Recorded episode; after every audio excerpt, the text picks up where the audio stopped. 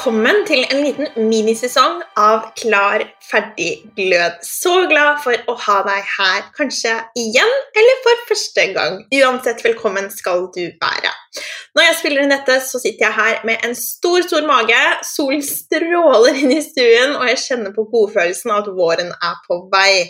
Det er 2022, og jeg er klar for å skape meg et vakkert år der jeg virkelig setter fokus på å gjøre mer av alt som får meg til å føle meg bra. Og det fortjener du også. De første månedene av året så pleier jeg alltid å hige etter farger, masse fresh mat, og inspirasjonen er på topp. Ikke minst fordi jeg pleier å starte en ny runde av glødende kosthold.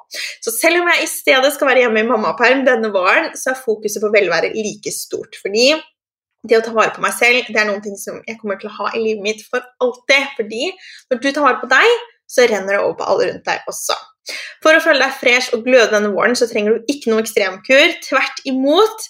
Det jeg mye heller anbefaler, er å legge til mer av det som gjør kroppen godt. Ikke tenk på det du ikke skal spise, bare mer av det som er bra for deg, inn i kostholdet ditt. Og en ting jeg alltid kommer tilbake til, nå om våren er freshe salater. Så jeg vil gjerne dele dette med deg og inspirere deg. Så gå inn på leneragnhild.no salat for å se mine favorittsalater og hvordan jeg selv setter dem sammen for metthet, nydelig smak og for å gjøre det hele veldig veldig enkelt. Jeg lover deg du kommer til å elske disse salatene, som thaisalaten, som er en av mine favoritter, lun salat med aspargesbønner, at den er så god, quinoa-salat, det er også masse enkelte oppskrifter som hummus ja, Du må bare laste ned. Den er selvfølgelig helt, helt gratis fra mitt hjerte til ditt. Kos deg og gi kroppen det beste samtidig, helt i glødende ånd. og du nyt, nyt, nyt episoden.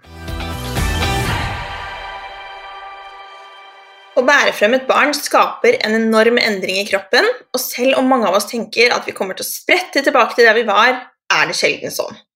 Selv var jeg veldig heldig og hadde lite plager, men jeg har ikke tall på hvor mange ganger jeg har hørt andre si 'sånn er det bare' om ryggvondt, å tisse på seg eller ha en mage de ikke har kontroll over etter å ha født et barn.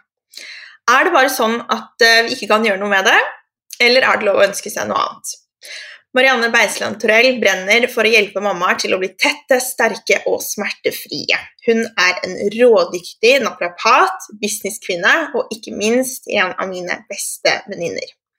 Hun har hjulpet mange mange mammaer til å få en kropp de trives i, og det er aldri for sent. Jeg gleder meg masse til å dele dere med henne, og hun skal dele masse fine ting med dere. Velkommen, Marianne! Å, tusen takk! Jeg får gåsehud! Så hyggelig å være her. Veldig koselig å starte dagen med deg. Hvordan har du det i dag? I dag har jeg det veldig bra. Det er god energi og good flow. Det er deilig. Only Deilig. good vibes. Only good vibes. Ja, så bra. Mm. Hvordan har du startet eh, dagen din? I dag så startet jeg den sånn som jeg planla den i går. Mhm. Mm, så vi startet, jeg startet med å ha en litt rolig morgen med barna mine. Kose meg med kaffekoppen min og spise en deilig frokost med de før jeg fikk de av gårde på skole og sånn. Og så satte jeg av litt tid til meg, bare å kjenne etter hva jeg ønsket, og reflektere over hva jeg ønsket utover dagen. Så det var kjempedeilig. Skikkelig god start. Skikkelig nydelig morgen. Mm. Hva er det du pleier å spise til frokost? Det varierer eh, veldig mye. Eh, det kommer an på dagen. Jeg er ikke sånn superglad i frokost, eh, for å være helt ærlig. Men kaffe med kollagen er liksom sånn fast, som jeg alltid starter med. Eh, og så de dagene som det er jeg som sender barna på skolen, så pleier vi å ha havregrøt med masse bær i. Og eh, de dagene jeg er på klinikken, så pleier jeg å spise en frokost når jeg kommer ned dit. Kanskje en smoothie eller bare noe frukt og grønt, eller kjenne litt etter hva jeg føler for. Ja, det er jo helt min uh, ånd, så det er kjempe, kjempebra. Mm. Du, uh, du er jo en av mine beste venninner, så det er jo ikke sånn kjent gjest på meg. Uh, bare sånn For å illustrere så var jo Marianne hos meg nå for noen dager siden, og da masserte hun mine hovne gravidlegger. Så gode venninner er vi. Det høres kanskje litt eh, crazy ut, men så er du jo også naprapat, så da er du jo vant til sånt. Men hvordan, eh, hvordan ble det egentlig til at du valgte det yrket? Du, den reisen den startet jeg da jeg var eh, åtte, nei, ni år. startet Jeg det. Jeg hadde vel begynt på den allerede da jeg var åtte, eh, fordi at eh, jeg har dysleksi og fikk den diagnosen ganske tidlig. Jeg fikk den allerede i første klasse, noe som er tidlig på 80-tallet. Men så har jeg alltid vært veldig målretta, veldig bestemt for at jeg skal mekke ting og få til det jeg ønsker. Eh, og så allerede som åtteåring så syntes jeg det var kjempegøy å ordne på mamma. Jeg tok ansiktsmasker og styra og stella på henne. Um, men uh, når jeg da ble ni, så skulle jeg bli storesøster for eh, første gang, og bestemt, da bestemte jeg meg for at jeg skulle gjøre noe annet. For da ble mamma så dårlig av bekkenløsning at hun ikke kunne komme, kom seg ikke ut av huset omtrent. Hun hadde plastpose i bilen for å komme seg ut av det.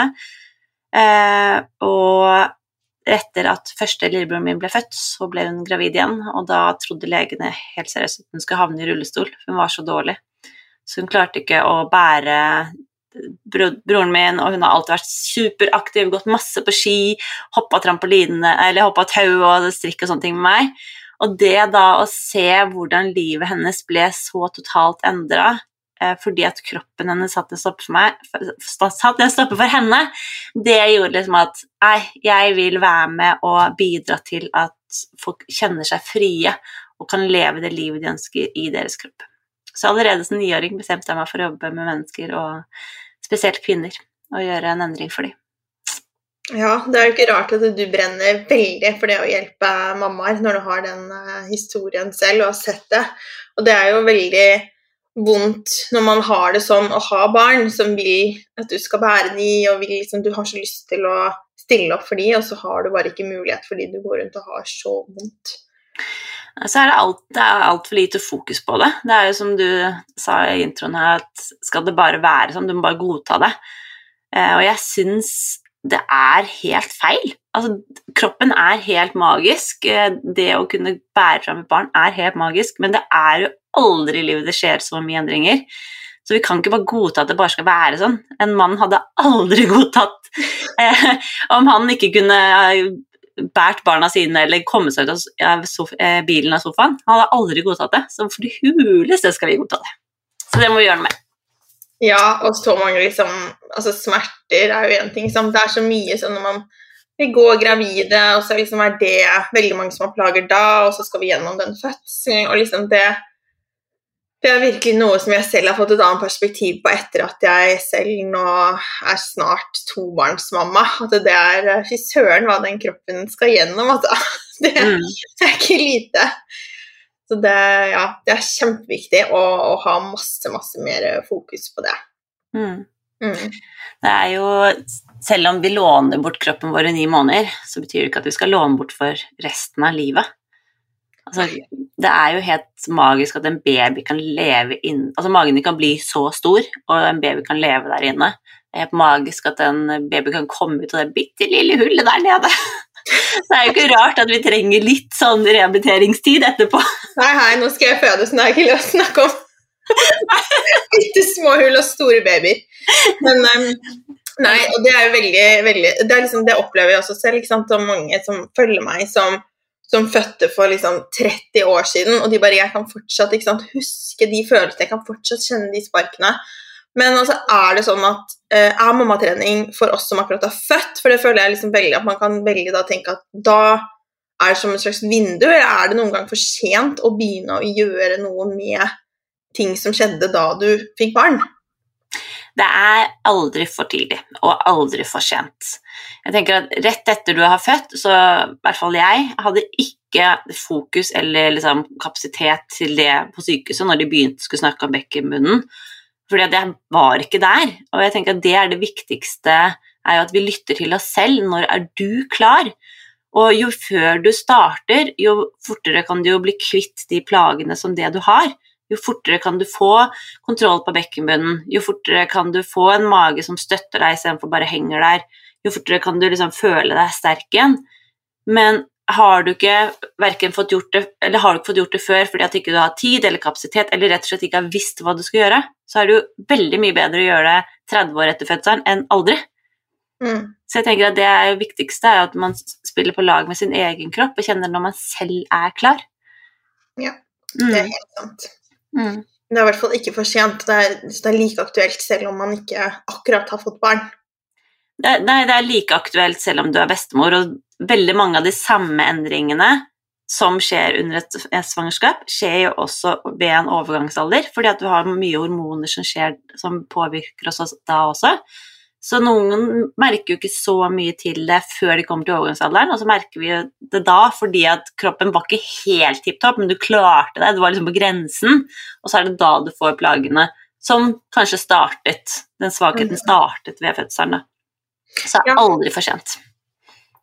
Ja, for det, liksom, det så jeg faktisk en sånn reklame for nå, at det var et eller annet sånn Ja, men liksom, liksom har du lekkasjer, så sånn Det er en løsning. Og så var det sånn Tena Lady. Jeg bare Så det er en løsning at du må gå med bind liksom 24-7, da, og gå og liksom tisse litt på deg, f.eks. Jeg syns ikke det er en veldig god løsning, da. Det er jo liksom en sånn akutt Det er et plaster, men det er jo ikke, det, det er ikke noe løsning.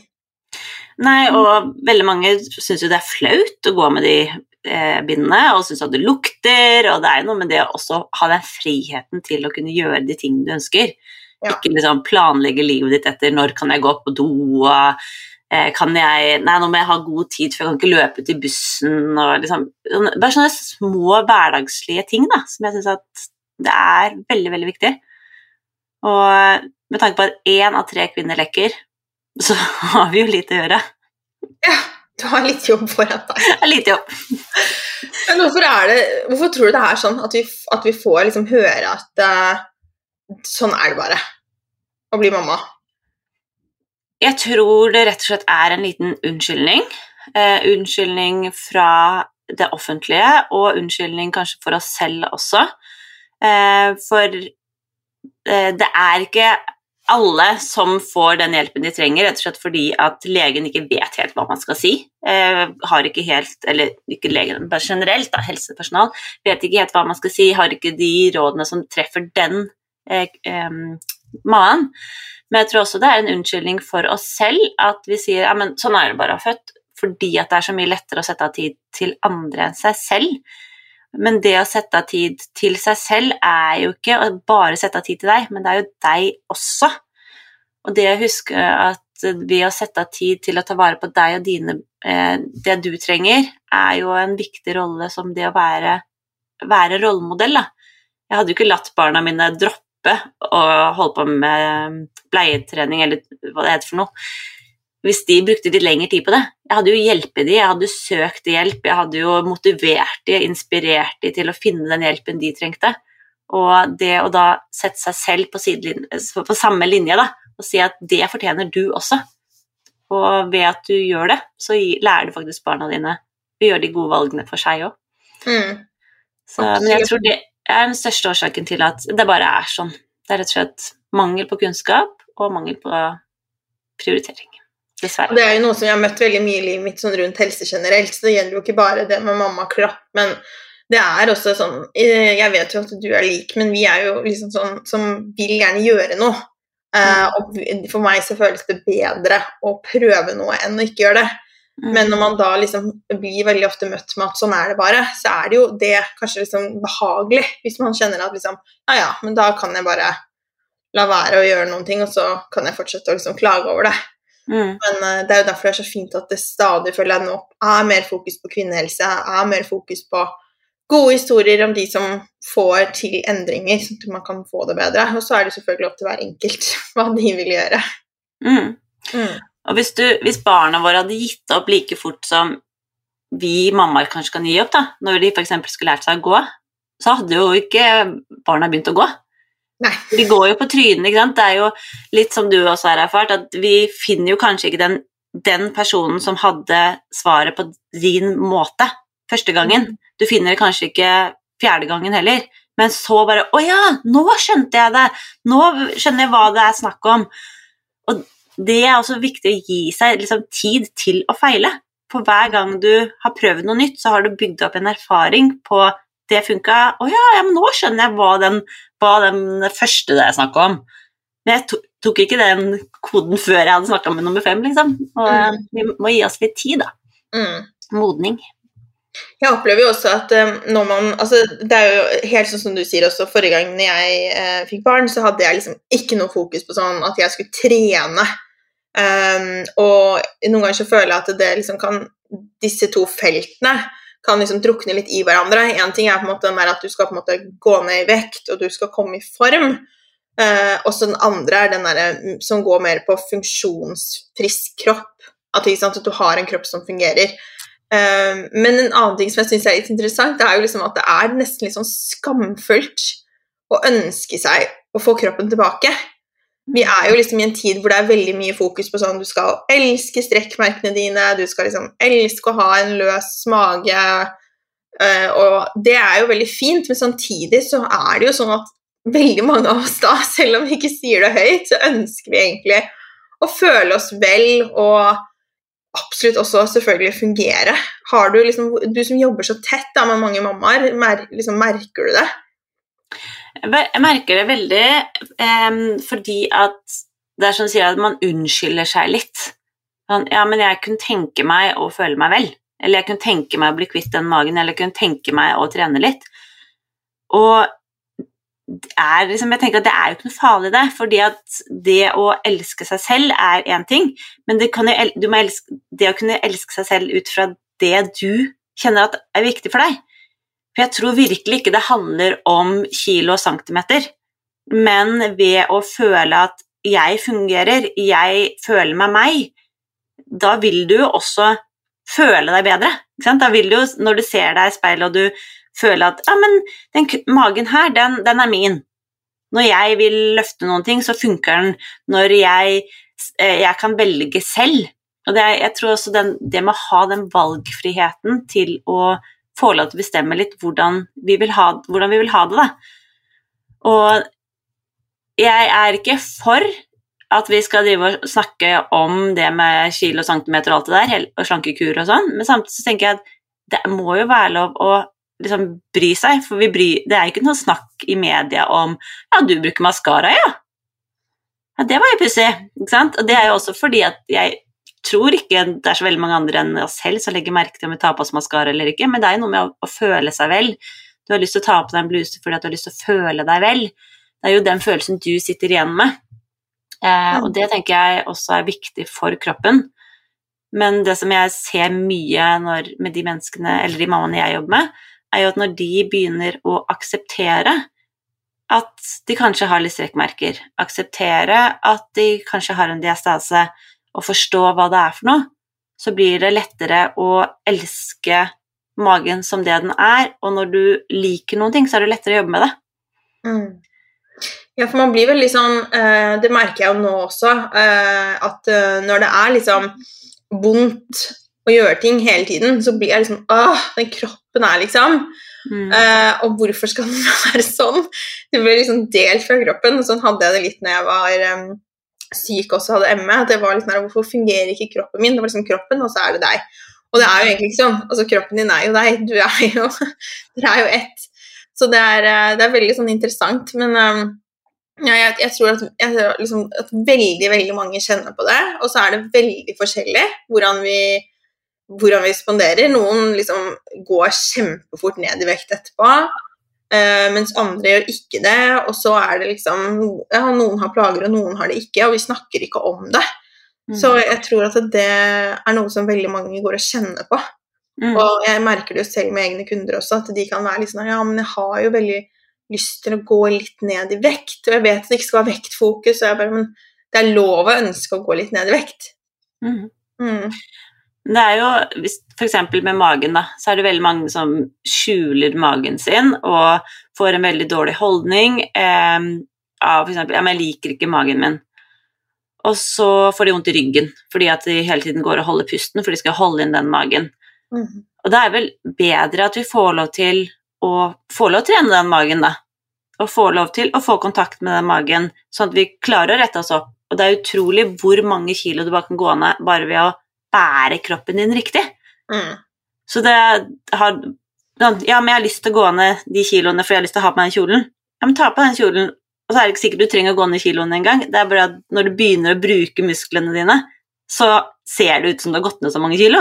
Mm. Det tenker jeg det er liksom viktig å få med seg at det er lov til å få lov til å føle seg vel. Ja, for mange opplever at magen på en måte henger ut. Mm. Eh, altså, du får ikke liksom tak på den. Så hva er det som er de vanligste plagene eh, som kvinner kommer til deg med? De vanligste plagene eh, kommer an på hva om det er det kunden tror, eller det de ikke tror. Men veldig mange, veldig mange av mine kommer jo til meg eh, fordi at magen lever sitt eget liv, at den bare henger, som du sier.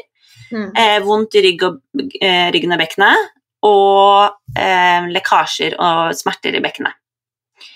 Og dårlig holdning. Det er liksom de vanligste tingene. Men når jeg begynner å se på det, hva som er årsaken, så finner jo jeg veldig ofte at de har en diastase, noe som ikke de ante at de hadde. Eller at magemusklene rett og slett jobber feil vei. At når de spenner magen, så går magen ut istedenfor inn. Mm. Um, så det er ikke alltid at de kommer inn med det de kommer ut med. ut med.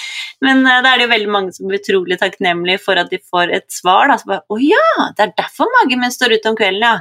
Jaha, så hvis jeg begynner å bare få tak i magemusklene, så blir den flatere, og da får jeg også mindre vondt i ryggen.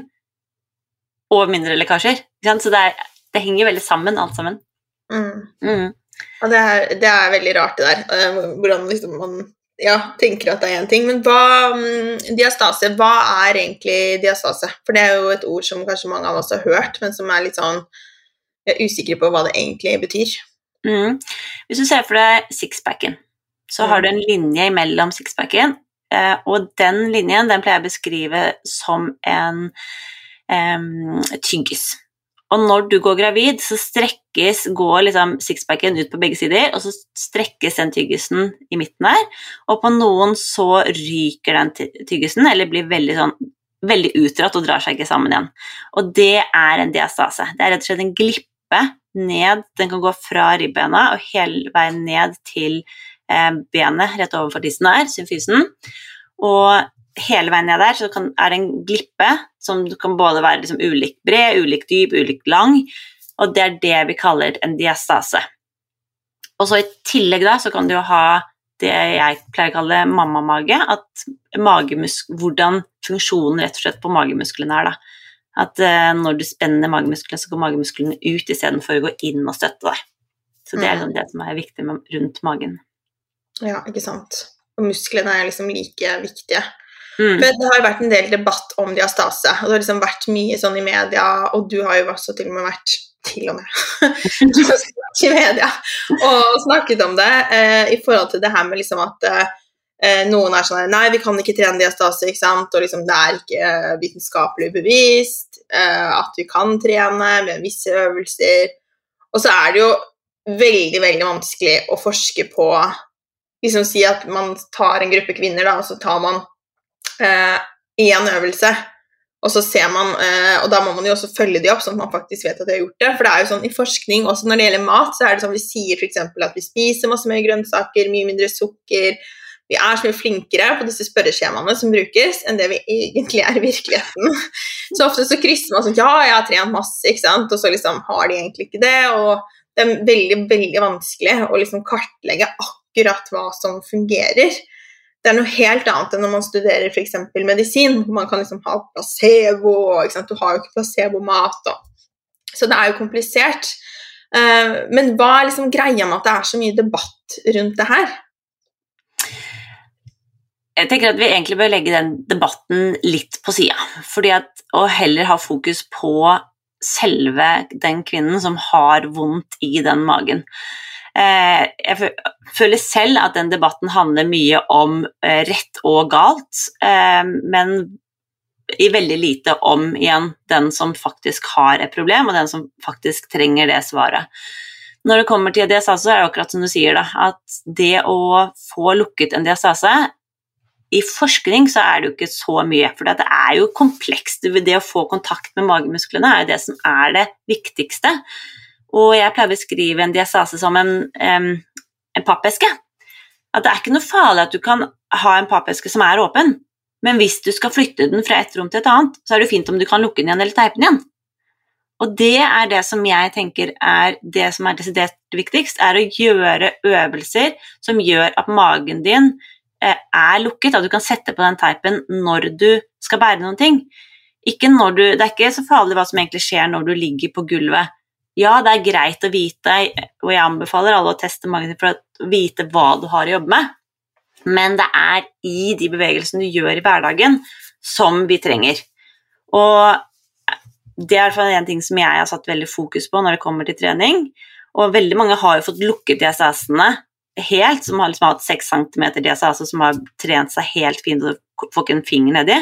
Andre har liksom fått trent så de, når de bærer, når de skal sette inn i oppvaskmaskinen, så klarer de å ha magen på uten at magen bare blup, faller ut.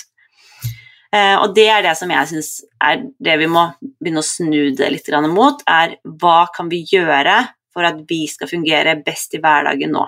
Og så er det kjempefint at det forskes på, men som du sier, det er én øvelse, det kommer til å ta kjempelang tid, og med tanke på at jeg har eh, smådrevet og jobba med dette her siden jeg var ni, så har det jo gått noen år.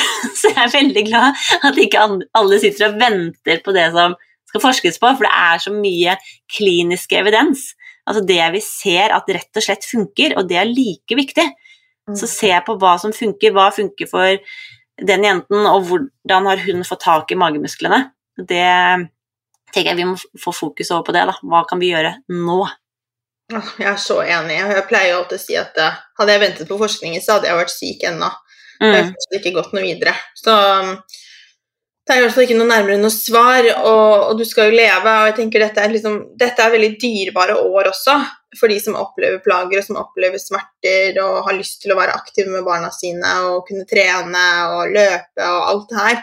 Så vi har ikke tid til å vente på at det skal bevilges midler og lages forskning. og det, er, ja, det, det har vi rett og slett ikke tid til når det er noe man kan gjøre. Så lenge det er trygt, eh, så tenker jeg at det er helt fint. og å trene magen og sånn, det, det, er jo helt, helt trygt. Mm. Og vi kan jo ikke si at det ikke er sunt å bevege seg. Det tror jeg vi kan være enige i alle sammen. At det å bruke kroppen, det å være i bevegelse, er noe som er sunt. Eh, så da er jo det en trygg form å gjøre det på. Og jeg vet at noen går inn og opererer eh, og liksom syr sammen den glippen. Men igjen så får ikke det at du syr sammen noen ting, gjør ikke at du får funksjonen tilbake, eller det at kroppen faktisk jobber med deg. Så det fins ikke noe quick fix heller. Du må liksom lære kroppen å brukes, da. Mm. Og gjerne brukes i din hverdag. Mm. For kan, vi kan trene mye rett på treningsstudio, men uh, veldig mange kommer inn og gjør totalt bortsatt i hverdagen. Ja, og det som jeg opplevde, det, hvert fall, var at det, eh, det, skulle ikke så veldig mye til før jeg fikk tilbake liksom, den kontrollen jeg gjorde øvelser, og da fikk jeg også muligheten til å gjøre andre ting riktig. Mm. Um, men det som er litt spesielt med din metode, opplever jeg, det er jo at du integrerer virkelig treningen i hverdagen. Og da er det veldig lett å få til. Uh, hvorfor er det så viktig for deg? Eh, det er veldig viktig for meg fordi at hverdagen de, den har vi sinnssykt mange timer, mens den treningen har vi bare noen minutter. Um, for eksempel en knebøy, da. Hvor mange knebøy tar du i løpet av en uke på et treningssenter, eller når du trener? Nå null. Men hvor mange knebøy tar du ikke hver gang du skal plukke opp en sokk, ta på deg en sko, sette deg ned på en stol, sette deg på do? ikke sant? Så vi gjør jo egentlig den bevegelsen mange ganger. Mm. Og det da å få gjort den bevegelsen riktig, der du liksom støtter opp forsiden og baksiden og ting henger sammen, vil avlaste deg så utrolig mye i det lange løp. Fordi at du får ikke den samme gnagingen på muskulaturen. Eh, så det er en av grunnene til at jeg er veldig for å trene i hverdagen. Men så er det også det at jeg elsker å få gjort liksom, ting lett. Jeg elsker å liksom, ikke måtte tenke over at jeg gjør ting. Um, og gjerne få gjort flere ting samtidig. Da kan jeg være litt effektiv.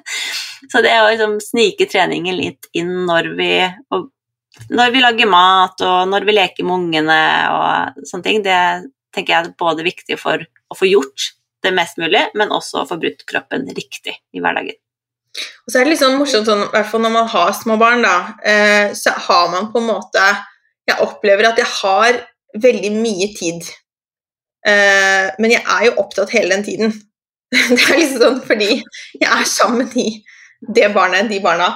Sånn at eh, Det er ikke på en måte sånn som før hvor jeg liksom hadde mye tid og jeg kunne finne på ting hele tiden. Sånn Hvis venninner av meg er sånn Ja, skal vi liksom dra og spise middag i byen? Da er jeg sånn, det har jeg liksom ikke tid til. Men hvis de er sånn Vil du komme og bare henge og spise middag her? Ja, ja, anytime. liksom, Jeg er ledig hele tiden. Så det er liksom rart. så det, det, Derfor er det også så utrolig fint å slippe at det skal være liksom en sånn big deal. At du skal måtte sant, planlegge det og få liksom booka tid og skifta og alt mulig. Du får gjort så mye mer når du bare putter det inn i hverdagen. Når du tenker på å ta ut oppvaskmaskinen riktig, og du liksom kan ja, integrere det i de små tingene, så får du virkelig liksom kobla på den bekkemunnen. Og Mm. det, det opplevde jeg virkelig at det- det gikk så kort tid før jeg merket veldig stor forskjell. Mm. Og der skal jo du ha ros, fordi at du satt jo bare du satt det på agendaen, at jeg skal bare få det inn i hverdagen. Hvis ikke så hadde du ikke fått den endringen så raskt som det du gjorde heller, så det er stor applaus til deg. Nå var jeg veldig heldig og hadde få plager, men jeg vet jo at uh, det trenger ikke å være kjempestor jobb selv om man har mer også. Men uh, Absolutt ikke. Hvis du bare tenker på eh, Unnskyld. Hvis du bare tenker på Hvis du tar ti knip hver dag i ett år Ti Mm. knip tar ikke sinnssykt lang tid. Men tar du ti knip hver dag, da har du tatt 3650 knip i løpet av et år. Du må jo få sterkere bekkenmunn, da. ja. Men så er det så kjedelig å, å trene bekkemunn. Det er liksom sånn Alle har sånn her Å, det er så kjedelig. Å, ikke sant? Å, nei, det orker jeg ikke. Så hvordan kan vi på en måte gjøre det mer gøy, da? Det er jo å fokusere på hva du kan gjøre etterpå. For eksempel, jeg elsker jo å gå på trampolina og få latterkrampe med ungene. Og da vet jeg jo at jeg må liksom få gjort det. Men vi gjør jo ganske mye andre kjedelige ting. Det er ganske kjedelig å pusse tennene. Mm. Det er ganske kjedelig å sitte og vente på den T-banen som skulle komme. Men det er jo bare å se de derre Ok, nå gjør jeg ingenting. Da kan jeg bare gjøre de her, og så er jeg ferdig med det. Mm. Ikke gjøre det som noen big deal, men liksom, henge det litt på hverdagslige knagger, eh, som ta fem knip før du legger deg, eller idet du har lagt deg i, i sengen, og så har du tatt halvparten av de ti, da. Mm. Eller eh, når du ser på det Jeg har hatt en sånn fast knagg at hvis jeg ser på nyhetene, så gjør jeg noen øvelser i starten av nyhetssendingene. Det er ikke sånn at jeg må totalt følge med på de nyhetene, men da har jeg, jeg har noen faste holdepunkter som gjør at har jeg ikke gjort det før, så gjør jeg det da.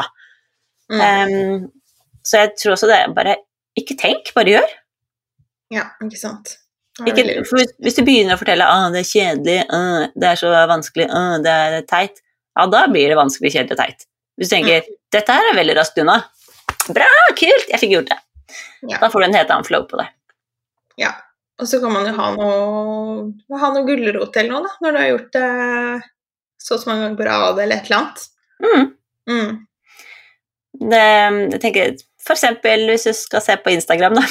Jeg må ta et knip idet jeg lukker opp Instagram. Mm. Da så får man eh, gjort ganske mange øvelser. Ja, pairing. Det er veldig lurt. Sånn fra coachingverden. Du er jo coach også. Men eh, at eh, vi liksom setter to ting sammen. Sånn at Mm. liksom, eksempel sånn Jeg hører podcast når jeg går tur. Mm. Da må du liksom ut på den turen for å få høre den podcasten som har kommet, som du har lyst til å høre på. Det er sånn, er altså veldig lurt for å øke motivasjonen. Mm. Mm. Du driver jo Mammaklinikken, som er en fysisk klinikk inne i Oslo sentrum. Eh, som også heter Cityklinikken, ikke sant? Mm. har liksom to navn. Litt sånn avhengig av hvem du, hvem du er. Det er veldig, schizofren, nei da. veldig greit. Du, du har jo masse forskjellige typer kunder. Mm. Ja, det er jo ikke bare mammaer, men det er jo særlig, særlig de jeg er um, opptatt av, da. Eh, men når vi møttes, så, så hadde du liksom akkurat på en måte altså Den var jo helt stappfull. Eh, vi møttes jo via Gry Sinding eh, og gikk i Mastermind med henne. Og så ville jo du gjerne hjelpe enda flere mammaer. Så hvordan løste du det? Det løste jeg ved å begynne på å jobbe over nett, noe som jeg syns har vært helt fantastisk for både meg og for mammaene. For på den tiden så hadde jeg jo mammaer som kom flyvende fra Hammerfest for å komme på behandling. Shit. Og det, det, blir jo ikke så lett å følge kontinuitet. Det blir ikke så lett liksom, å få hjulpet dem helt dit de ønsket. Og selv om jeg syntes dette med kamera og alt sånt var veldig skummelt, så er det jo Jeg hadde et veldig brennende ønske. Jeg ville hjelpe. Jeg, vil, jeg vet at jeg sitter inne med mye kunnskap som kan vel, endre andres liv veldig mye. Eh, så derfor så startet jeg Sterk mamma. Og det er jo bygd opp på eh, all den kunnskapen som jeg har hatt, alle de kundene som jeg har møtt, der jeg rett og slett lærer mammaer å bruke kroppen sin i hverdagen. Eh, hvordan få bekken og mage til å samarbeide med deg, hvordan vi bruker pusten aktivt, og rett og slett hvordan vi kan ta vare på kroppen vår eh, ved hjelp av både trening, men også få øvelsene inn i hverdagen, sånn at hele kroppen henger sammen, og at vi fungerer i hverdagen som tette, sterke og smertefrie mammaer. Mm. Så det har vært en eh, kjempemorsom og erfaringsrik reise. Eh, veldig, veldig gøy å se at så mange kvinners liv har endret seg. Så det er eh, veldig, veldig takknemlig for. Ja, du har jo masse gladhistorier. Det er jo det er jo helt fantastisk å se. og Jeg jobber jo, jeg jobber jo bare over nett og syns jo det er kjempe, kjempegøy å kunne ha kvinner over hele Norge som kunder. Det er jo og dette er liksom lenge før den tiden vi er inne i nå. så var på en måte liksom, Vi var jo allerede disse raringene som holdt på med Zoom og alt mulig før, før, alle andre. Det er liksom noe alle driver med. Men det er, det er kjempenyttig. Jeg tenker at Det er så utrolig viktig å få delt den kunnskapen som vi har. Eh, fordi at vi sitter inne med veldig mye kunnskap, hver og en av oss. Både av liksom, egne erfaringer liksom, for ditt tema, f.eks. Jeg sluttet å spise det, eller jeg begynte å spise det, og da ble magen min veldig mye bedre. Og det å dele raust, enten om du skal jobbe over nett, eller om du bare skal være en som inspirerer, det å dele av de erfaringene vi har, gjør at vi kan enda flere da, kan finne sin, sin vei og sin, sitt uh, mål for eh, sin kropp og sin helse. Det, det, er kjempegøy og inspirerende med nettet sånn som det funker nå. Mm. Mm. Absolutt. Og så er det jo fleksibelt i forhold til for oss som er mammaer, at det liksom har muligheten til å, til å, nå, eh, til å nå flere. Eh, og så ikke minst å, å gå eh, kurs over nett og kunne lære ting i ditt tempo liksom hjemmefra, er jo også kjempenyttig. Mm. Eh, uansett hva slags livssituasjon man er i. Slippe å komme inn liksom fysisk hele tiden på en klinikk. Det er veldig mye friere, som du sier, men også det som jeg merker mye på klinikken, er at jeg må jo gjerne bruke flere timer på å si akkurat det samme, for det tar jo litt tid fra du har hørt det første gangen til å ha forstått det, til å ha fått det inn i kroppen, den derre læringstrappen. Og det er jo en av de tingene som jeg syns er genialt med både å holde nettkurs, men også ta nettkurs, at jeg kan se den samme videoen så mange ganger jeg trenger. Mm. Og når du kommer videre i kurset, så kan du gå tilbake igjen og bare 'Å ja! Ja, men den, jeg vil se den en gang til.' Ja, men nå har jeg lært noe nytt, jeg. Ja. Og det syns jeg er ganske fascinerende når jeg ser på mine egne videoer som jeg har laget. Og så tenker jeg det var et smart poeng, Marianne. Ja. ja, det har jeg ikke tenkt på på en stund. Vi kan jo lære av oss selv, og det sier jo veldig mye om hvor mye vi kan lære da, av å høre ting mange ganger i dypere og dypere nivå. Og det syns jeg er kjempeherlig med nettkurs. Mm. Det er veldig mye informasjon som man skal på en måte gi i løpet av én sånn time. Eh, så én ting er jo sånn som for deg som kan gå inn og liksom manipulere og ta på og massere alt det her, mens for meg så er det jo bare informasjonsflytt. Så jeg syns i hvert fall det er åh, det er så utrolig bra å bare kunne gjøre det på den måten. Mm. Og opplever jo også at det, det blir kjempegode at man får så mye i én pakke. Så det, resultatene blir jo veldig, veldig bra hvis man gjør jobben, selvfølgelig. Man må jo se på de filmene og gjøre øvelsene. Mm. Mm. Da tenker jeg det å bare tilpasse ditt liv, ikke sammenligne seg med andre, men sammenligne seg med seg selv. Og sette seg selv på timeplanen på samme måte som det du gjør for barna. For det syns jeg er litt sånn overraskende. Og liksom tatt meg inn noen ganger om jeg holder avtalene like ofte med meg selv som det jeg ville gjort med deg. Mm. Hvis jeg skulle ha møtt deg, så hadde jeg jo kommet. Og den avtalen fortjener jeg at jeg også holder med meg selv. Og jeg følger barna mine på trening Jeg passer på at de er der til tid, jeg passer på at de får gjort den innsatsen de skal, og at de har det de trenger. Og det fortjener jeg også. Og det å um, se litt den veien også, at uh, vi må sette av tid for å kunne lære ting på nett.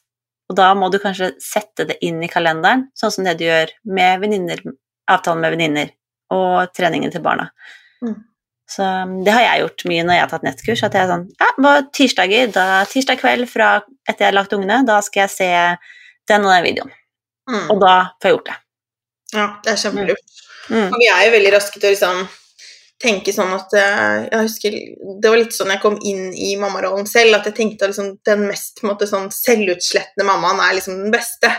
At, mm. uh, og det, det, er så imot den holdningen. For det er så mm. viktig at vi tar vare på oss, for det er jo kun da vi kan gi noen ting videre. Og hvis ikke så tror jeg man ender opp med å bli liksom bitter. Noen mm. på barna, de, de, lever jo sine liv, og de skal jo ikke forventes at Selvfølgelig liksom, De skal være takknemlige for å ha fine foreldre som bryr seg, men de ikke, altså, det er grenser for hvor mye liksom, man kan jeg forventer ikke at Lykke skal være sånn 'Å, tusen takk for at du bysset meg liksom, i timevis hver dag, mamma.' 'Og tusen takk for at du satt og ammet meg i to og et halvt år.' 'Og tusen takk.' Liksom, altså, de kommer ikke til å skje. Nei. Så vi er jo helt, helt nødt til å tenke på liksom, at ja, du er et individ, da, selv om du har fått eh, barn eller to eller tre eller mange. Mm, mm. Mm. Både med det som du jobber med med kosthold, og med, med, det å bruke kroppen sin og trene kroppen riktig, tenker jeg det er er så viktig for at vi skal ha energien, for at vi skal ha tålmodigheten eh, når de skal gjøre lekser eller ikke de får til ting de ønsker, eller du skal være med og arrangere et loppemarked, eller hva det er. da. Så, så, vi gjør det jo også for dem. Mm. Det å ta vare på deg er eh, en går altså Jeg ringer i vann, da, så du gir det ut til barna dine også. Absolutt. Mm. Og til disse mennene som skal leve med oss, yeah. alle sammen. ja. Men så hvis man da sitter og hører på nå og tenker sånn Ok, jeg har noen av disse plagene, enten fremfall eller um, For fremfall er det samme som det er to ord, ikke sant? Hva Er ikke det liksom uh, Frem, du har sånn fremfall kan også kalles det, eller noen beskriver som nedpress. Ja. Mm. Mm. Så uansett nedpress, framfall, så er det jo det å få kontroll på bekkenbunnen. Ikke knipp for mye, for den skal ikke jobbe hele tiden, den heller, men det å bruke bekkenbunnen aktivt, så er det mm. samme Ja, og sånn prolaps, altså at liksom det faller ut, ja. på en måte. Ja. ja. det er en del av framfallet. Det er graden av hvor langt det på en måte har kommet ut, da. Ja, ikke sant. Mm. Ja, så hvis du kjenner at ting ikke fungerer som det skal, da, du har vondt i ryggen, du går og liksom Du lekker eh, og, Altså det er ting som ikke funker da, hvor, det, hvor skal man starte? Jeg ville jo starta med å få funnet ut hva det er du egentlig har et problem med.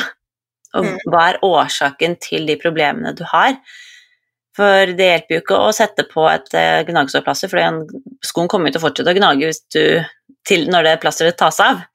Så det å finne ut årsaken, hva, hvor er det du trenger hjelp Du kan ta 48 behandlinger, uh, og du må fortsette å komme på behandling hvis, du, hvis magen din ikke gir deg støtte, for da ryggen din kommer til å fortsette å være sliten. Så det å finne, finne ut årsaken til hvorfor har du vondt, hva er det som ikke funker, Um, så da blant annet pleier jeg å anbefale dem å f.eks. starte med å ta en magetest og sjekke har du, har du en diastase. Uh, hva skjer med magen din når du spenner den? Hva skjer med magen din når du f.eks. nyser? Og da vil jo, vil mange, veldig mange få svar på Oi, du, da når jeg nyser, så kjenner jeg at det presser ned bekkenet. Ok, da må vi begynne der. Hvis vi vet at du har en diastase, så må vi få lukket den. Eh, går magen din ut, så må vi få den lukket først. Og så kan vi begynne med litt ytterligere trening og lære oss å bruke kroppen riktig. Mm. Men eh, først og fremst må vi få en stabil pappeske, og den får vi å begynne innerst og jobbe oss utover. Innenfra ut. Men mm. må man på en fysisk klinikk sånn som din for å finne det her ut, eller er det noe du kan gjøre selv? Nei, her, du kan ta sånn, sånn som magetesten. Eh, kan du laste ned gratis, i hvert fall har jeg, har jeg lagt den ut.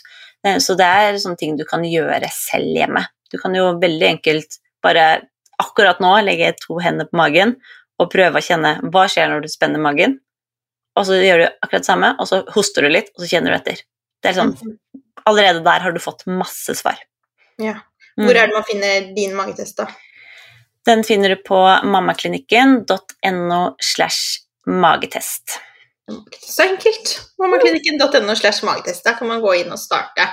Så det er det jeg skal gjøre når jeg har uh, fått ut barnet. Så får jeg sende en update som bare SOS. det fikser vi, Helene. Her er det ikke bra. Uh, men du er jo også eh, en av mine på en måte, skal vi si, sånn mammavenninner. Det er jo liksom noe eget. Man blir jo liksom mamma og mamma. Men vi har jo, du, hadde jo, du har jo litt eldre barn enn meg. ikke sant? Jeg har jo da Lykke som snart blir fire, og en som snart blir født. Eh, mens dine barn, hvor gamle er de? Ti og åtte år. 10-8, så du ligger liksom litt foran meg i løypa, det har du gjort hele tiden. Så du har gitt meg utrolig mange eh, verdifulle råd, og er jo også en som jeg har søkt mye råd hos. Um, som jeg syns har vært uh, helt fantastisk. Uh, vil du dele noen av dine gode sånn mammatips? Gode mammatips? Det er vel å være der og lytte til barna dine. Uh, det var en pasient av meg som sa at grunnlaget legger du før de er 14. Så tenkte jeg oi, oi, oi, oi nå må jeg jobbe. men det å gjøre ting enkelt, ikke overkomplisere, men gjøre ting enkelt og lære de mye om Jeg er veldig opptatt av mental trening på mine barn eh, allerede, og det har jeg vært liksom, tidlig. Hvordan, hvordan, kan jeg gjøre ting enkelt og fint for oss? Um, og lære de å se løsninger det var sånn Fredag husker jeg spesielt. Fredager syns jeg var et lite herk å komme meg hjem fra barnehagen. For de var slitne, jeg var sliten, og det var masse tøy som skulle med. Det, var, det ble en sånn, litt sånn dårlig dag. Og jeg bare ah, Fredag skal være hyggelig. Vi skal være sammen. Det skal bli kos. Da innførte vi kjeksfredag. Så hver fredag når de kom hjem, så lagde vi varm melk, og så fikk de ta seg kjeks. Og det var ikke noen søte kjeks, det var liksom bare sånn matkjeks to kjeks. Og hei hvor de gikk hjem, liksom. Og bare 'Det er kjeksfredag!' Og det holdt de på med lenge. og da fikk vi sånn positiv flow på det. Det der å gjøre det, sånne små, enkle, enkle grep da, for å eh, ja, gjøre det hyggelig. Og inkludere de, for barn er sinnssykt smarte.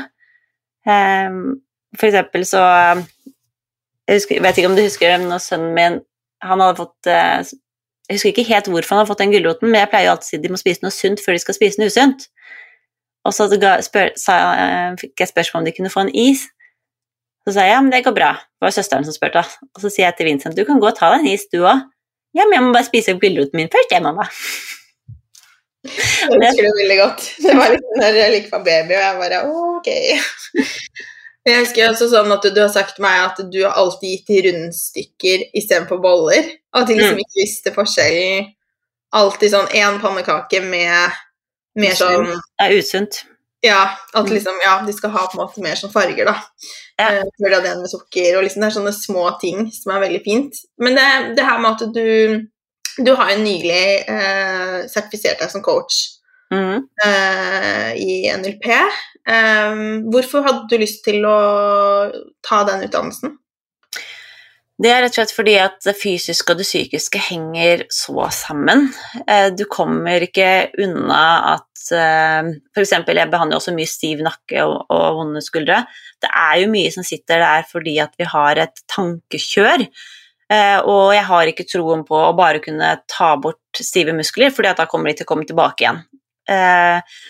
Og det å lære seg eh, det kommunikasjon med å se flere sider, hvorfor kanskje ting ble som det ble, og ha mer forståelse for det, men også hvordan vi kan bygge oss selv opp. For til syvende og sist er vi 100% ansvarlig for våre egne liv, og det å da se muligheter og også personlig da, kunne stille bedre spørsmål for å hjelpe mine klienter til å få det bedre, eller mine barn til å få det bedre, syns jeg har vært en, vært skikkelig gull, men også for min egen del. Ikke det med hustle og måtte, måtte, måtte, men hvorfor? Hvorfor, mm. hvorfor ønsker jeg å gjøre det her? Hva, hva er det, hvorfor er det viktig for meg? Det syns jeg har vært veldig, veldig spennende, så derfor så valgte jeg også å ta utdannelsen på det, for å få mer kjøtt på bena, mer kunnskap og være i vekst og læring, så det er gøy. Ja, for det er jo litt sånn at du har på en måte kunnskapen. Det er jo samme uansett om du skal trene bekkenmunn eller om du skal endre maten. Men så er det jo det å gjøre det. Så mentaltrening mm. har jo vært en veldig stor del av min tilfriskning, men også er en stor del av mitt liv og den jobben jeg gjør med kunder, fordi at jeg må jo hjelpe dem å ta de gode valgene. Altså, de fleste vet jo at vi skal spise mer grønnsaker. Jeg tror veldig mange vet at man skal knipe. Mange gjør det feil, og det er jo noe man lærer hos deg, som, som, var liksom det Når jeg på en måte bare fikk det forklart, så var det jo veldig enkelt. Men eh, så er det det å gjøre det. Så, så den er så viktig. Mm. Eh, jeg husker en morsom historie også. Jeg tror det var eh, med din eldste. At hun skulle skru av en kran eh, liksom ute, den utekranen. Og så var det sånn her, hun bare 'Å, men jeg får det ikke til.' Og du bare 'Jo da, jeg har trua på deg.' Og hun bare 'Ja, men eh, jeg har ikke troa.' det var litt sånn der skada av den der Man blir litt sånn miljøskadd. Det var litt sånn Ja da, mamma, jeg skjønner at du kom med den coachingen da. Sånn, jeg tipper at eh, når de er liksom eldre, at de kommer til å være sånn Jeg vil ikke bli coacha.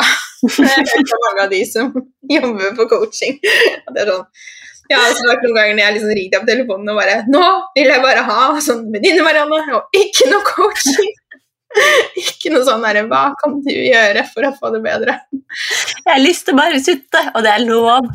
Det er lov til å, å ta, ta, valget. Og det syns jeg jo egentlig er litt kult med sånn, den historien du skrev om det med, med den vannkrana. Ja, jeg vet at jeg kan tro, og så kan jeg få det til, og at hvis jeg tror, så har jeg mer krefter, og da finner jeg en løsning. Men akkurat nå så har jeg ikke lyst til det, og det syns jeg er helt fine. For da har du tatt en beslutning på at jeg har ikke lyst. Mm. Det er Jeg sier jo hele tiden det liksom her hjemme, og jeg bare Men du kan jo også putte den i søpla. Det sånn Men jeg vil ikke det. Jeg bare, ja, men da må jeg gjøre det. Da er jeg liksom tjeneren. Så det, sånn, det, veldig, det var nok bare det at hun bare Jeg har ikke så veldig lyst til å gå bak huset og fikse det. Jeg synes, det er mamma. Da var det liksom så morsomt at hun bare svarte det. Ja, men jeg har ikke troa på meg selv, så det går bra. Det hjelper ikke at det. Det er gøy. Men det tenker jeg mye om det med trening og kosthold også. At når vi ønsker og vi vil, så får vi mye til. Og det å droppe å ha dårlig samvittighet fordi at du jeg, I dag har jeg ikke lyst til å spise salat, jeg har lyst til å spise en pizza. Eller i dag har jeg ikke lyst til å trene, jeg har bare lyst til å ligge på sofaen. Og det å være Det er også en stor mental trening, syns jeg. Da, være bevisst på hva du gir deg selv dårlig samvittighet for. Fordi at du har et valg, og du kan velge hva du gjør, og ha null dårlig samvittighet for det. Ja, og så er det jo litt sånn at alle vi som Enten om det er noen som deler sosiale medier, da, liksom, da oppsøker du jo det. Og det er også veldig sånn Det er litt ansvars, ansvarsfraskrivelse. Det at vi skal være sånn Å, jeg blir så trigget ikke sant, av å se ting som andre deler. Eh, sånn som nå, hvis jeg liksom legger ut, da at det er sånn magen min, ikke sant, og så sier jeg sånn Se, jeg har trent magen, og nå liksom har jeg blitt helt sånn tilba Ikke tilbake der jeg var, men du skjønner at jeg kan, liksom, jeg kan stramme magen, ikke sant, nå kan jeg løpe, det er så deilig. Og så kan andre bare 'Å, det får ikke jeg til'. Og jeg blir jo litt trigget selv, f.eks. når folk skriver at de hadde kjempefin fødsel og født i vann og liksom alt sånt, fordi det var det jeg hadde så lyst til, og så fikk jeg ikke den opplevelsen.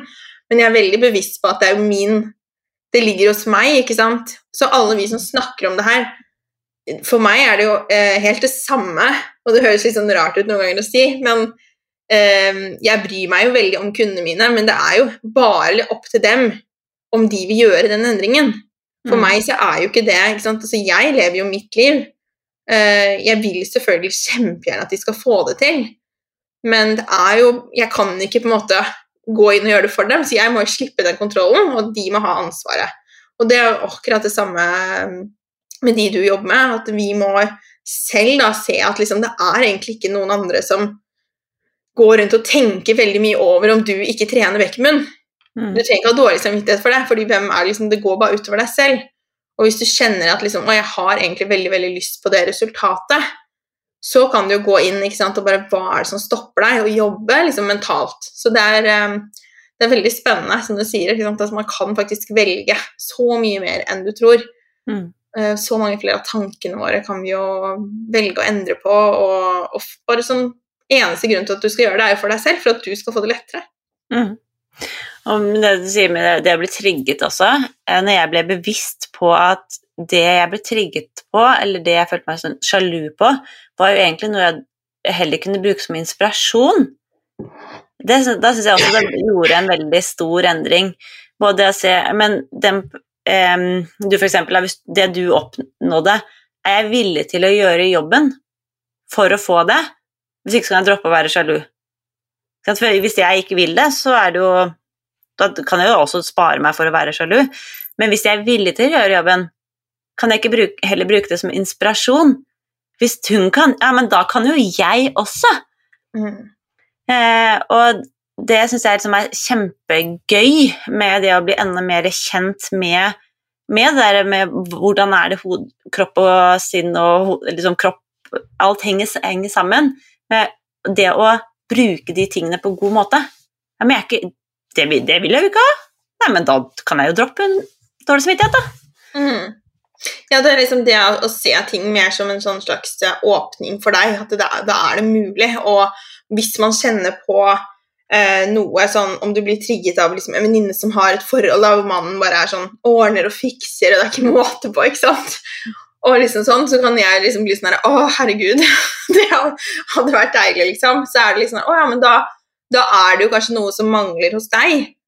Ikke mm. sant? Og da ser du jo det, og så er det sånn hm, Ok, men da liksom kan jeg gjøre noe med det. Så hvis du liksom ser andre som er f.eks. veldig godt trent, og så har du liksom lyst til det, og så bare kjenner man sånn Ok, men jeg kanskje kunne hatt lyst til å være mer trent, eller ha en mer næringsrik matpakke til barnet mitt i barnehagen. ikke sant? Sånn, det er egentlig ingenting med den personen som gjør det. Du kan se det mer som en sånn Å, interessant.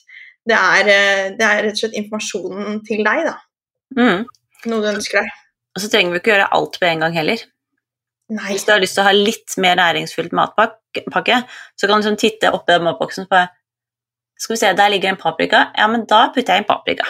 Og så trenger du ikke å ta hele matpakken med en gang. Du kan se den der ene lille tingen, og det samme er jo med trening. Ok, jeg har også lyst til å hoppe trampoline. Da begynner jeg da med å finne ut hvor den bekkenmunnen min er. Og så er, mm. er det, på gang. Du trenger ikke å gjøre alt med en gang. Nei, nei, nei. Begynn smått. Absolutt ikke. Mm. Apropos sånne gjøre ting med barna og at de skal være mer bevisste og få bedre dager. Du har jo et helt nydelig litt sånn rituale med barna. Vil du dele? Det vil jeg. Eh, jeg har startet det for noen år siden, eh, men i år, til jul, så fikk de hver sin dagbok. Eh, og ikke dagbok, men de fikk en almanakk der det står datoer. Eh, og i den så skal de skrive tre ting de er takknemlige over, og én ting de er stolt over hver eneste dag. Og først har vi gjort det her eh, muntlig i sengen. Og det er for at jeg har lyst til å samle på de tingene som er positivt i hverdagen deres. Og det er en unik mulighet til å få innblikk i barnas hverdag. Hvis du spør hva har du gjort for noe i dag, har du hatt det bra i dag, så får du ja, ja, nei, vet ikke. Så du får ingenting. Jeg får ikke noe svar ofte, jeg, jeg spør. Men hvis du, når du begynner Jeg vil ikke si det. Jeg vil ikke. Men når du stiller spørsmålet på litt annen måte, eh, og liksom Sånn som Vincent syns takknemlighet og stolt er liksom vanskelig ja, men Hva var det ordet igjen, mamma? Mm. Ja, men hva er du glad for? Å ja, ja, men jeg er glad for at pappa henta skia mine i dag. Ja, men det er fint. Og da lærer du også å sette pris på andre. Eh, og det å skryte av seg selv og si at man har gjort ting som er bra, syns jeg altså er veldig viktig, for vi har veldig mye Jeg skulle også ha gjort det, men jeg fikk ikke gjort det. Og det å heller bare stoppe der og si Men hva er du stolt over? Eh, syns jeg er viktig å ha fokus på. Eh, så derfor hadde jeg lyst til å skape en minnebok til dem. Så når de blir voksne, så kan de gå inn og se Så morsomt! jeg, når jeg var åtte år, jeg det, var jeg dødsstolt over at jeg hadde scora ett mål eh, på en fotballtrening. Og det å se de tingene, det betyr jo, da, det betyr jo at jeg spilte fotball når jeg var åtte, og du får veldig innblikk da, i ditt liv tilbake igjen. Ja, og tankene deres. Det er mm. det som er mest spennende. Merker du selv at det er det noe du gjør selv? Jeg gjør det veldig mye. Jeg gjør det jeg har også en sånn bok som jeg skriver i, men jeg merker jo den største endringen jeg merker jeg på morgenen. Jeg er ganske tidlig oppe, eh, så jeg drar halv syv hjemmefra. Og når jeg da hører det pisker på vinduet, at det regner og blåser, og jeg vet at jeg skal snart ut på sykkelen, liksom, må mest sannsynlig stå med vannkokeren for å få opp blåsen, eh, så jeg slutta å se de tingene. Jeg har slutta å se piskeregnet, jeg har slutta å se at liksom, å, da må jeg ha den der eh, vannkokeren, øh. For nå er det bare sånn, å guri malla, så takknemlig jeg er for at jeg har en så sinnssykt deilig dyne som er kjempegod og varm, og den senga her er skikkelig god i. Her har jeg egentlig mest lyst til å bare bli, for den er så deilig, men den er der i kveld, da. Mm. Og det er jo så mye lettere å stå opp. Så det, det å starte dagen sin med takknemlighet, og liksom sette pris på de tingene du har rundt deg, og liksom, å, ja, men jeg er så takknemlig for at jeg fikk den varme klemmen, dog klokken fire, men jeg fikk den varme klemmen, ikke sant? Så får du en annen start, men når du også går og legger deg og tenker eller skriver ned de tingene som du er takknemlig over, så går du inn, eller avslutter du dagen med alle tingene som er så fint. Mm. Og jeg har veldig troen på at sånn som du avslutter dagen, sånn starter dagen. Så det handler ikke om en morgenrutine, men det handler om en kveldsrutine. For kvelden starter neste dag. Ja, ikke sant. Mm. Det er helt sant. Og at man er altså Du blir så mye mer bevisst. For du Mm. begynner på en måte å samle alle disse tingene som du Mm. skal ha med deg. Mm. Som du skal skrive i boka, på en måte. Så du begynner å se ting annerledes. Mm. Det er jo ganske magisk. Skulle jeg gitt boka en gang til, så hadde jeg også lagt inn at de skulle skrive inn én ting de smilte eller lo for hver eneste dag. Ja. Mm. For vi ler og smiler jo, og så glemmer vi det. Mm. Mm. Så det er sånn, sånn fin ting å Det er jo gode hormoner. Absolutt. Så, men vi tar stolthet og takknemlighet i år, og så kan jeg adde til litt. Litt og litt. Det er sikkert lurt at det Ja. blir liksom lavterskel. Ja. Hva er det absolutt viktigste for deg i hverdagen for at du skal ta vare på deg selv? Sette av tid til meg selv og lytte inn. Rett og slett stille meg spørsmålet hva trenger jeg nå? Og ta det svaret som jeg får, på alvor. Mm. Mm. Så fint. Og gjøre det lite. Lett, overkommelig. Mm. For spesielt vi mammaer trenger kanskje litt egentid. Og da, det kan være vanskelig å sette av den tiden, det kan være vanskelig å finne den tiden fordi at du tenkte at ja, men jeg trenger jo, jeg trenger jo en hel helg, for jeg trenger å lade. Men hvordan kan du gjøre det lite, lett og enkelt?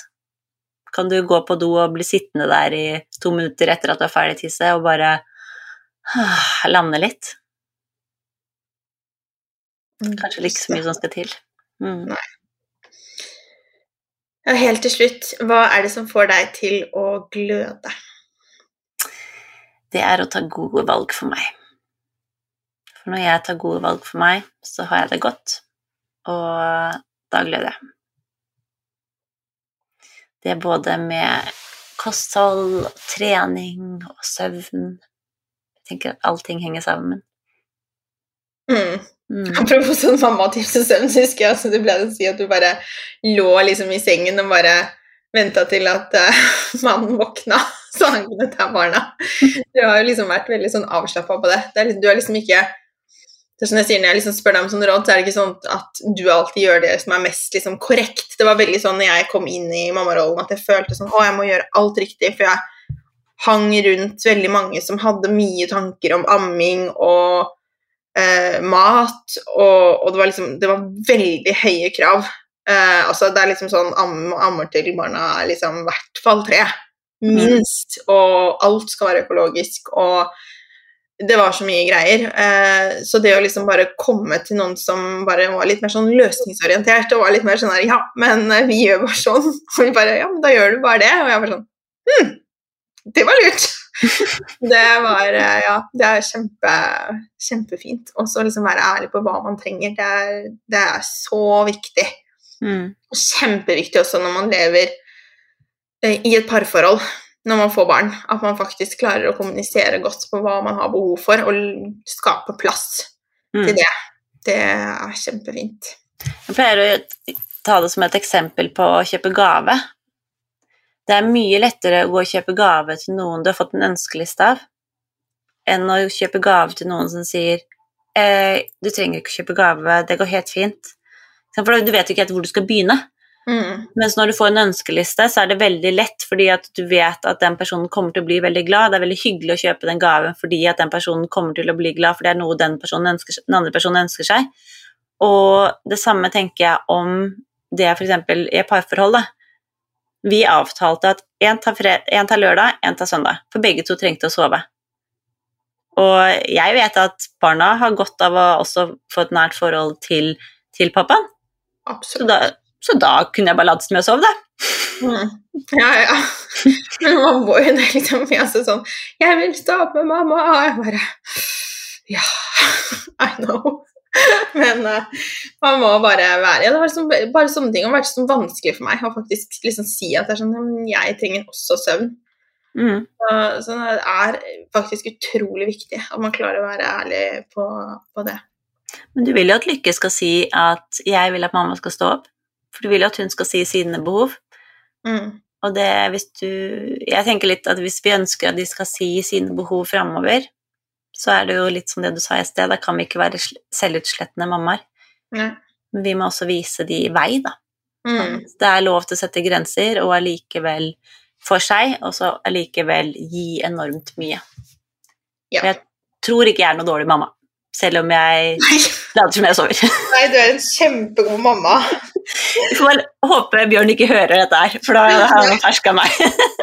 Jeg tror, altså, Jonna hører ikke på podkasten, så jeg blir veldig skrive om Bjørn tar seg turen innom for å lytte. Da må du late som du aldri hørte det her, Bjørn.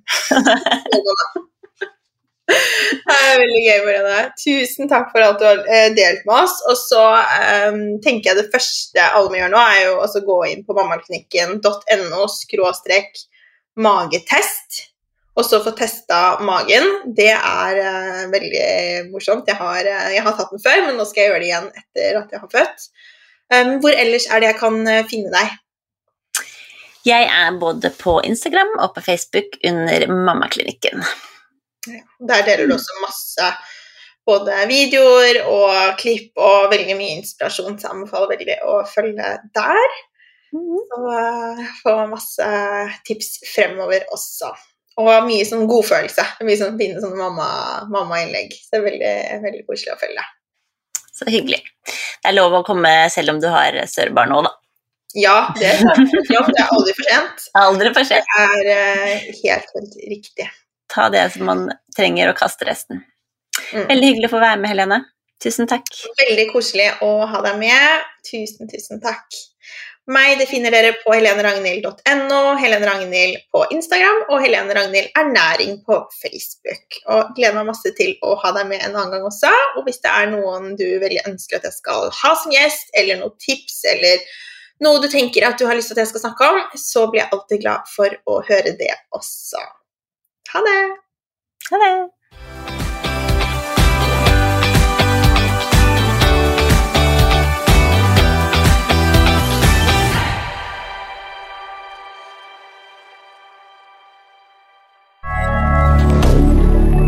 Moderne media.